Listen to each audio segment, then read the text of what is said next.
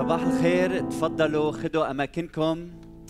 اليوم بشكل خاص حابب أشكر كل شخص بعث لنا رسالة أو فيديو خبرنا عن كيف علاقته الزوجية. فبدي هنيكم على المشاركات يلي عم بتشجعنا حتى نستمر بخدمتنا. اليوم يلي عم يسمعنا بدي أقول لك إذا أنت أول مرة بتسمعنا إذا هيدي أول مرة بتسمع لرسالة الحياة. بدي أقول لك إنه نحن كنيسة كنيسة منحب الرب من كل قلوبنا. نحن جماعة إمنا بيسوع امتلأنا من روحه توجنا يسوع رب على حياتنا. نحن أشخاص ننتمي إلى جسد المسيح. نشهد ليسوع وهدفنا أنه نصنع تلاميذ. بدنا كل شخص يتعرف على الرب يسوع المسيح. فبدي رحب فيك وبدي أقول لك تعا كن معنا. عندنا حوالي 24 اجتماع اسبوعيا لحتى يكون في مجال لكل واحد منا يكون معنا ويعبد معنا. لما بنجي على الكنيسة نحن بنجي حتى نعبد. نعبد يعني مع بعض بنسبح بنرنم بنصلي بنسمع لكلام الله. بنعطي جزء من عبادتنا. وأيضا يلي بنعمله هو إنه بنكون بشركة مع بعض. لأنه هيدي الشركة المقدسة هي جزء من عبادتنا. فإذا أنت عم تحضرنا تعا زورنا شي نهار. وإذا أنت مفكر إنه هون يلي عم بيصير هو فقط كل شيء من خلال الشاشة مش صحيح. من بعد الخدمة عم بيكون في فرصة نتعلم من بعض ونكون بشركة عميقة حقيقية كجسد المسيح الواحد. اليوم موضوعي هو التواصل الفعال. فبدي شجعك اليوم وبدي أقول لك نحن هدفنا نساعدك كيف تتواصل بشكل فعال بزواجك. ليه أنا اليوم عم بحكي عن التواصل الفعال؟ لماذا التواصل أمر مهم؟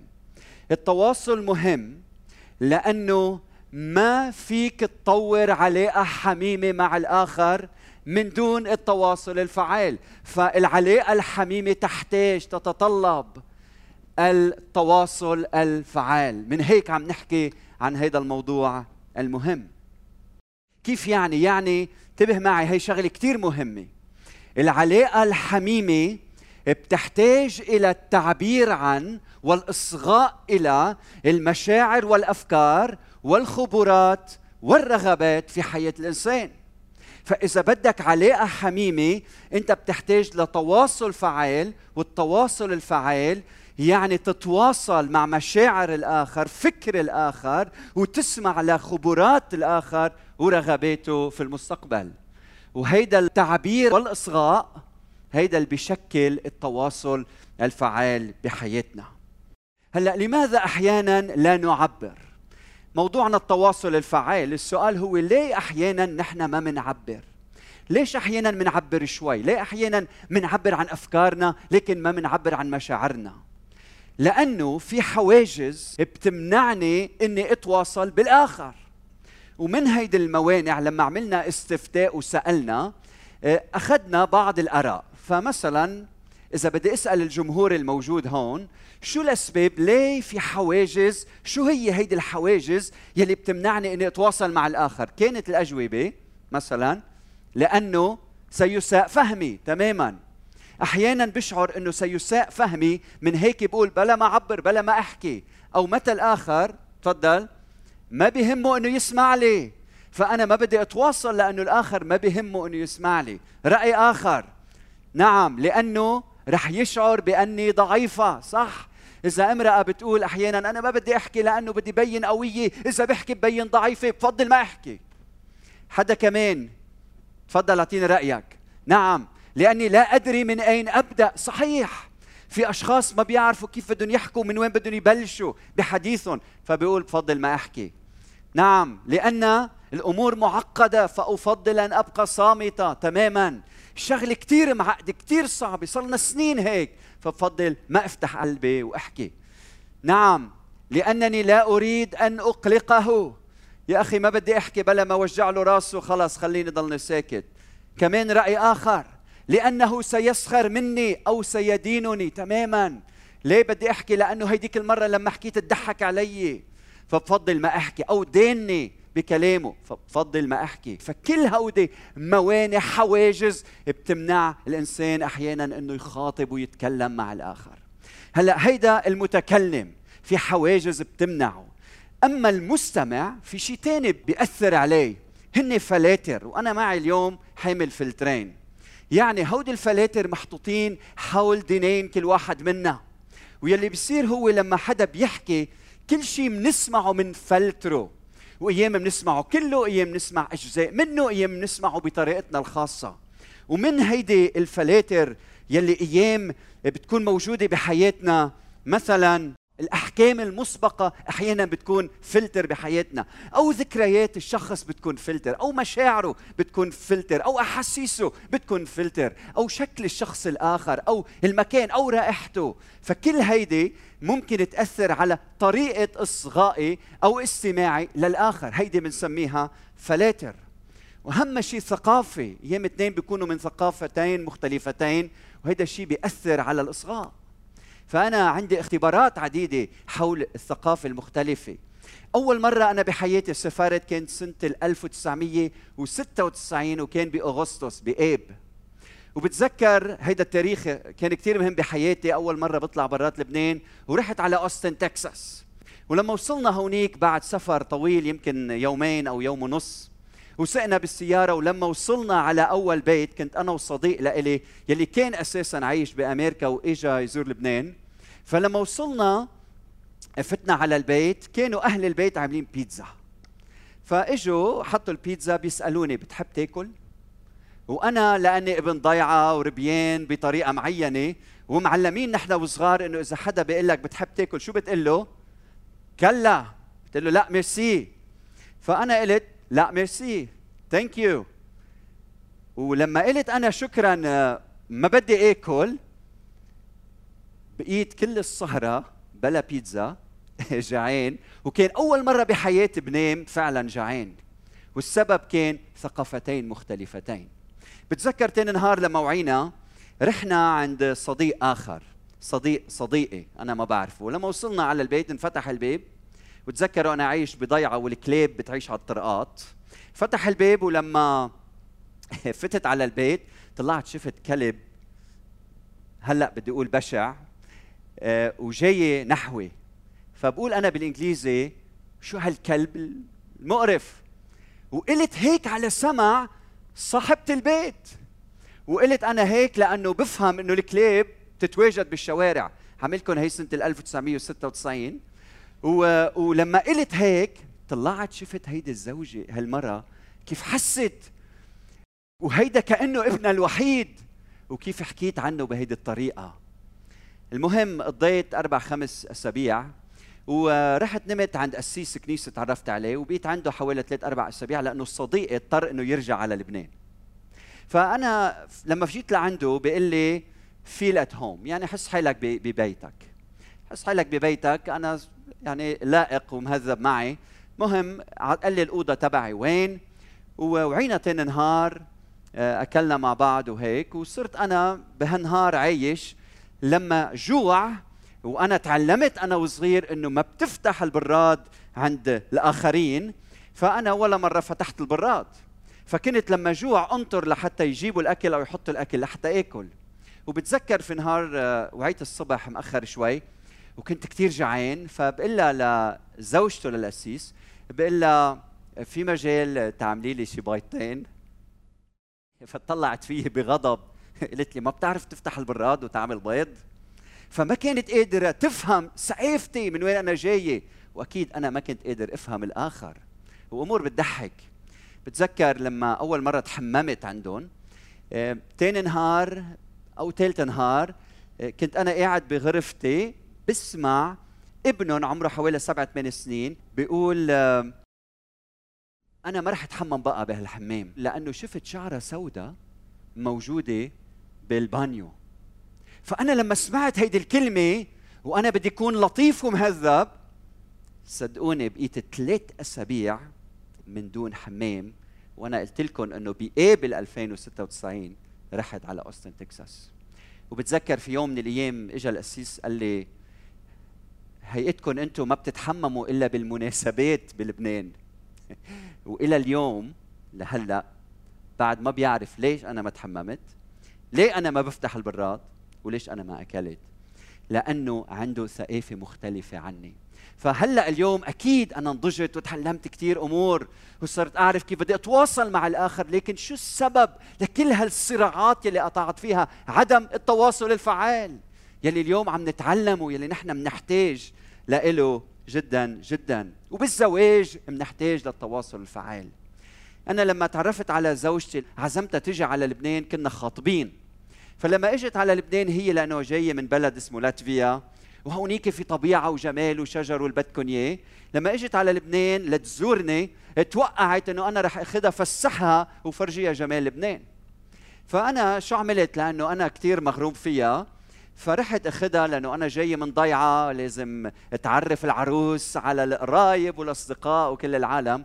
فرحت كل يوم أقضي أربع خمس ست ساعات عم نبرم على القرايبين وعلى الأصدقاء وبعدين على الكنيسة وعلى شعب الكنيسة لحتى أعرفهم على هيدي الصبية يلي بدها تصير زوجتي.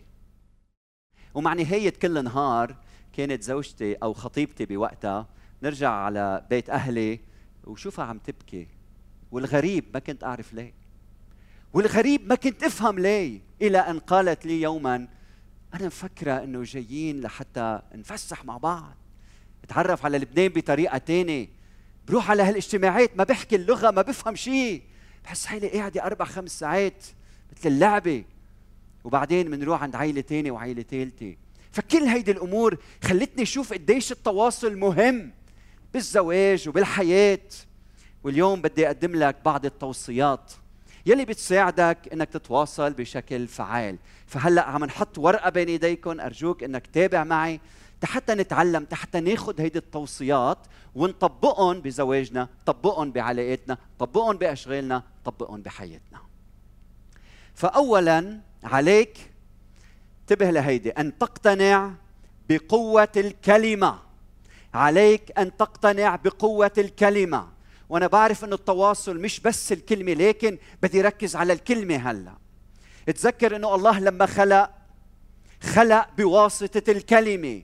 ليكن نور فكان نور لتكن أنوار فكانت أنوار. ليكن جلد في وسط المياه فكان. فإلهنا يلي خلق بالكلمة خلق الإنسان على صورته. ولأنه الإنسان مخلوق على صورته كلامه له قوة له سلطان له تأثير بحياة الآخرين. من هيك لازم ننتبه على كل كلمة منقولها. ولأنه الكلمة إلها قوة وتأثير. كم من شخص اليوم بيقلنا أنا ربيت نسيت كل العصي يلي أكلتها بطفولتي. لكن ما بنسى هيدي الكلمة الجارحة يلي رافقتني كل حياتي. كم شخص بينسى الوجع والألم لكن ما بينسى الكلمة الجارحة؟ ولأنه الكلمة بتهدم وبتدمر مثل ما بتبني وبتشجع. رب يسوع المسيح قال ولكن أقول لكم إن كل كلمة بطالة يتكلم بها الناس سوف يعطون عنها حسابا في يوم الدين. كل كلمة بطالة كل كلمة هل قد في للكلمة فعالية؟ فأنت يلي بدك تتواصل مع غيرك لازم تفهم وتقتنع قديش كلامك مؤثر بحياة الآخرين. رقم اثنين عليك أن تقتنع بفرادة الآخر. عليك أن تقتنع بفرادة الآخر. فمثل ما إنه كلامك له تأثير وانتبه مثل ما إنه الكلمة بتخلق العالم يلي عم بتعيش فيه. هالقد مهمة الكلمة. يعني إذا أنت كنت لطيف بكلامك بتخلق جو من اللطف حول منك. مثل ما أنه الله خلق بالكلمة وأنت بالكلام بتخلق العالم يلي بتعيش فيه. إذا كنت إنسان بتصرخ بتعيط بتضرب الآخرين بتأذي بيتك جو مختلف بتخلق عالم تاني. ضروري تعرف وتقتنع إنه الآخر يلي بزواجك وبحياتك هو شخص فريد من نوعه. بأفسس 2 10 بقول لأننا نحن عمله مخلوقين في المسيح يسوع لأعمال صالحة قد سبق الله فأعدها لكي نسلك فيها. ونحن عمله يعني نحن كل واحد منا تحفة فنية مميزة فريدة. وانت اللي عم تسمعني هيك ما حدا مثلك. ما انت فريد انت فريد ما حدا مثلك. ولأنه الإنسان فريد وإذا بنتذكر المزمور 39 كيف كاتب المزمور؟ عم بيسبح ويمجد الله يلي خلقنا وصنعنا وطرزنا بطريقة عجيبة. لما بتدرك فرادة الآخر وهلأ انتبه لهالحقيقة بتفهم وبتحترم احتياجات الآخر واختلافات الآخر. لما بتفهم إنه الآخر فريد ساعتها بتحترم احتياجات الآخر واختلافات الآخر. ساعتها بتصير أنت إنسان انتبه منفتح للتعلم وبتقبل الآخر كما هو لأنك بتعرف إنه هو فريد وما بدك إياه يصير مثلك. فهيدي الحقيقة عميقة جدا. إذا بتفهمها وبتستوعبها إنه الآخر بحياتك فريد ساعتها بتقول أنا زوجتي ولا ما حدا مثلها. احتياجاتها غير احتياجات كل نساء الكون. وبتفهم إنه احتياجاتها غير احتياجاتك أنت. هي امرأة انت رجل عندنا احتياجات مختلفة. لما بتجي لعندك زوجتك وبتسألك 100 سؤال كيف وليش ووين وأهم شيء مع مين بتفهم إنه هي ما عم تستجوبك. بالعكس هي بتتواصل بهالعمق من خلال التفاصيل الصغيرة يلي عم تسألك عنهم. وأنت أيتها الزوجة يلي بتفتحي مشاعرك أيام بنقول واحد بيتعرى بمشاعره قدام الناس. أنت يلي بتفتحي بتكشفي مشاعرك ويمكن حتى بتستحي إنك تكشفي جسدك قدام زوجك مع إنه صار لك مزوج سنين. لازم تفهمي إنه زوجك ما عنده مشكلة يكشف جسده. لكن أصعب شيء عليه إنه يتعرى في أعماق نفسه. قد إيه الرجال يلي مستعد إنه يكشف نفسه من الداخل؟ رجل مختلف عن المرأة. فلازم نقدر ونحترم فرادة كل إنسان.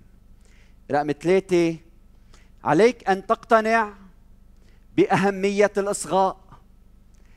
ما فيك تتواصل من دون إصغاء. والأسبوع الماضي حكيت عن هيدي المسألة وأخذت يعقوب واحد 19 يلي في يعقوب بيقول إذا يا إخوتي الأحباء ليكن كل إنسان مسرعا في الاستماع مبطئا في التكلم مبطئا في الغضب.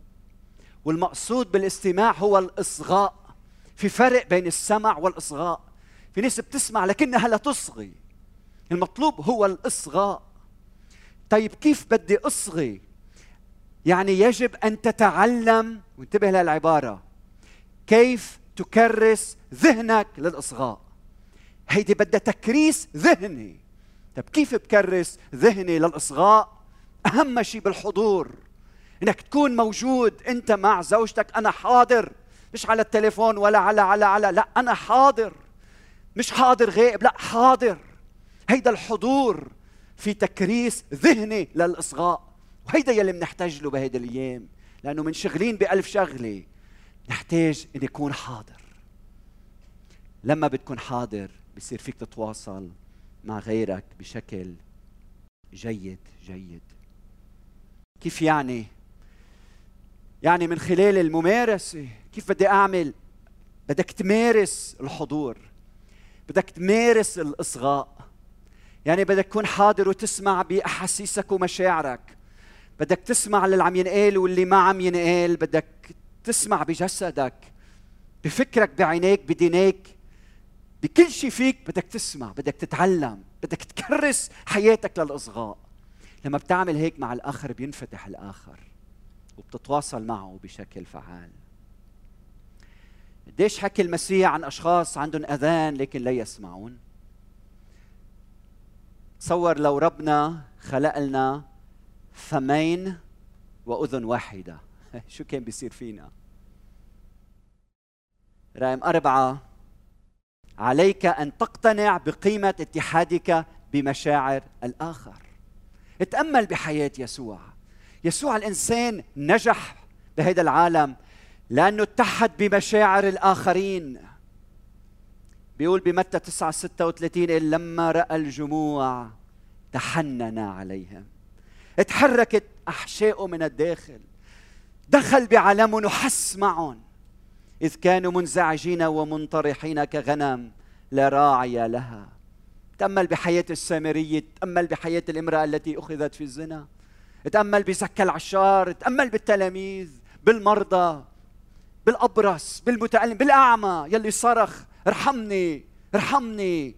كيف يسوع إجا واتحد معه وعرف شو بده ووقف إلى جانبه وخلصه وشفاه نازفة الدم. رب يسوع المسيح عرف كيف يدخل عالمنا. يتحد بمشاعرنا. فإذا بدك تتواصل بشكل فعال مع الآخر اتحد بمشاعر الآخرين. كيف؟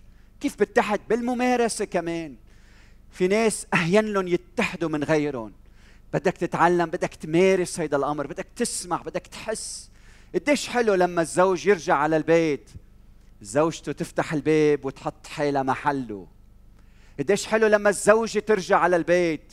الزوج يفتح الباب ويحط حاله محلها قديش حلو لما يجي واحد على البيت ويشوف الآخر منهوك ومتعب عم يهتم بالأولاد وعم يطبخ يحط حاله محله.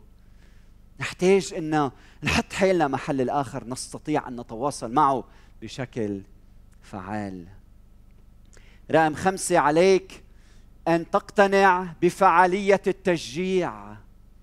لأن اللوم والاحتقار وعدم التجاوب أمور لا تنفعك. بدك تتعلم كيف تشجع.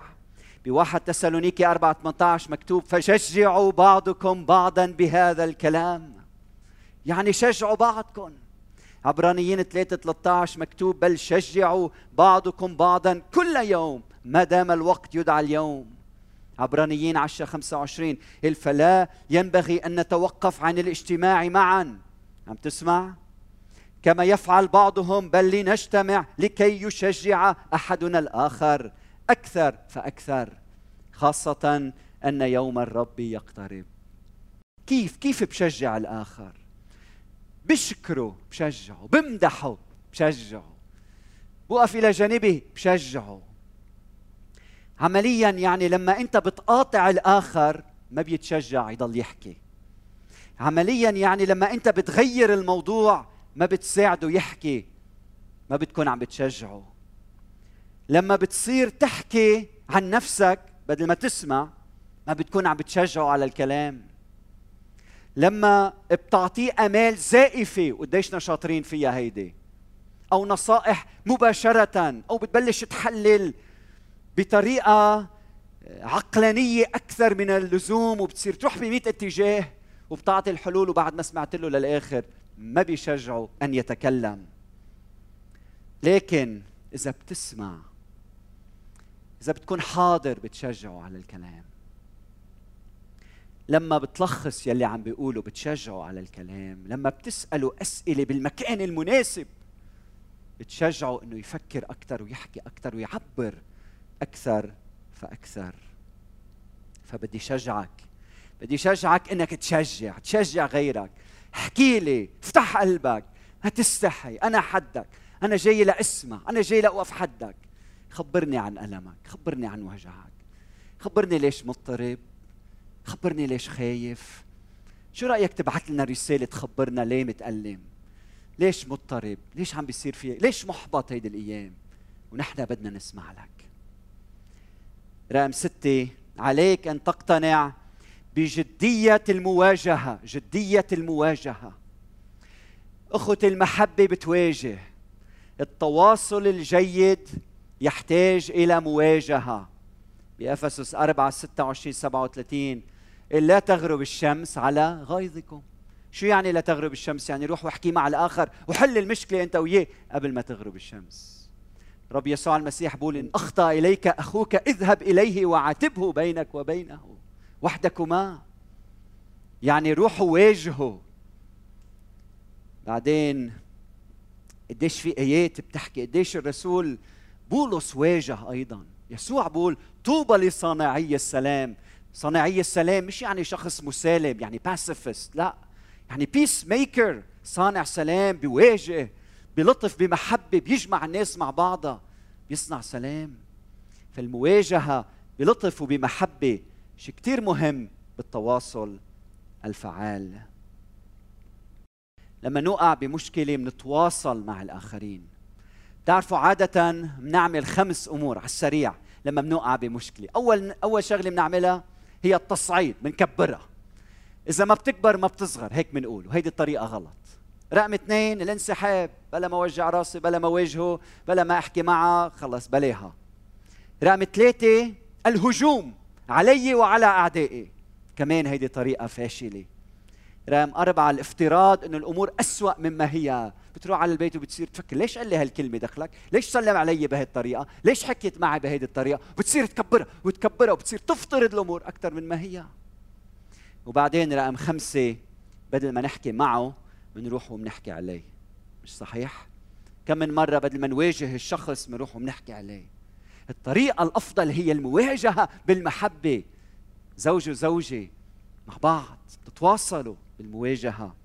وأنا عملت سلسلة كاملة عن هالموضوع عن حل النزاعات فبشجعك إنك آه، تسمعها وتتعلمها وتحفظها وتدرسها وتشاركها مع غيرك كيف تحل النزاعات بحياتك.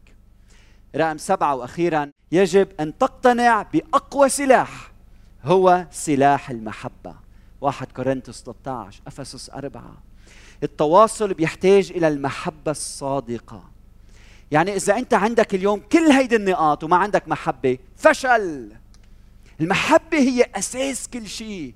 وإذا أنت عندك محبة وما بتعرف هوديك كلهم شوي شوي المحبة بتدربك كيف إنك تتواصل بشكل فعال مع الآخرين. بتفتح لك قلبك لتتعلم كيف تتواصل مع مع الآخرين. وبالختام شو عمل ربنا لتواصل معنا؟ شو رأيك؟ بيقول برسالة العبرانيين الله بعدما كلم الآباء بالأنبياء قديما بأنواع وطرق كثيرة. كلمنا في هذه الأيام الأخيرة في ابنه الذي جعله وارثا لكل شيء الذي به عمل العالمين الذي هو بهاء مجده ورسم جوهره. بعد ما صنع تطهيرا لخطايانا جلس عن يمين العظمة. يعني الرب يسوع المسيح إجا وتواصل معنا بتجسده بيننا. الله كلمنا بابنه يسوع المسيح. وانتبه هيدا التواصل كلفه أن يموت على الصليب من أجلك حتى يصالحك مع الآب ويصالحك مع خيك الإنسان.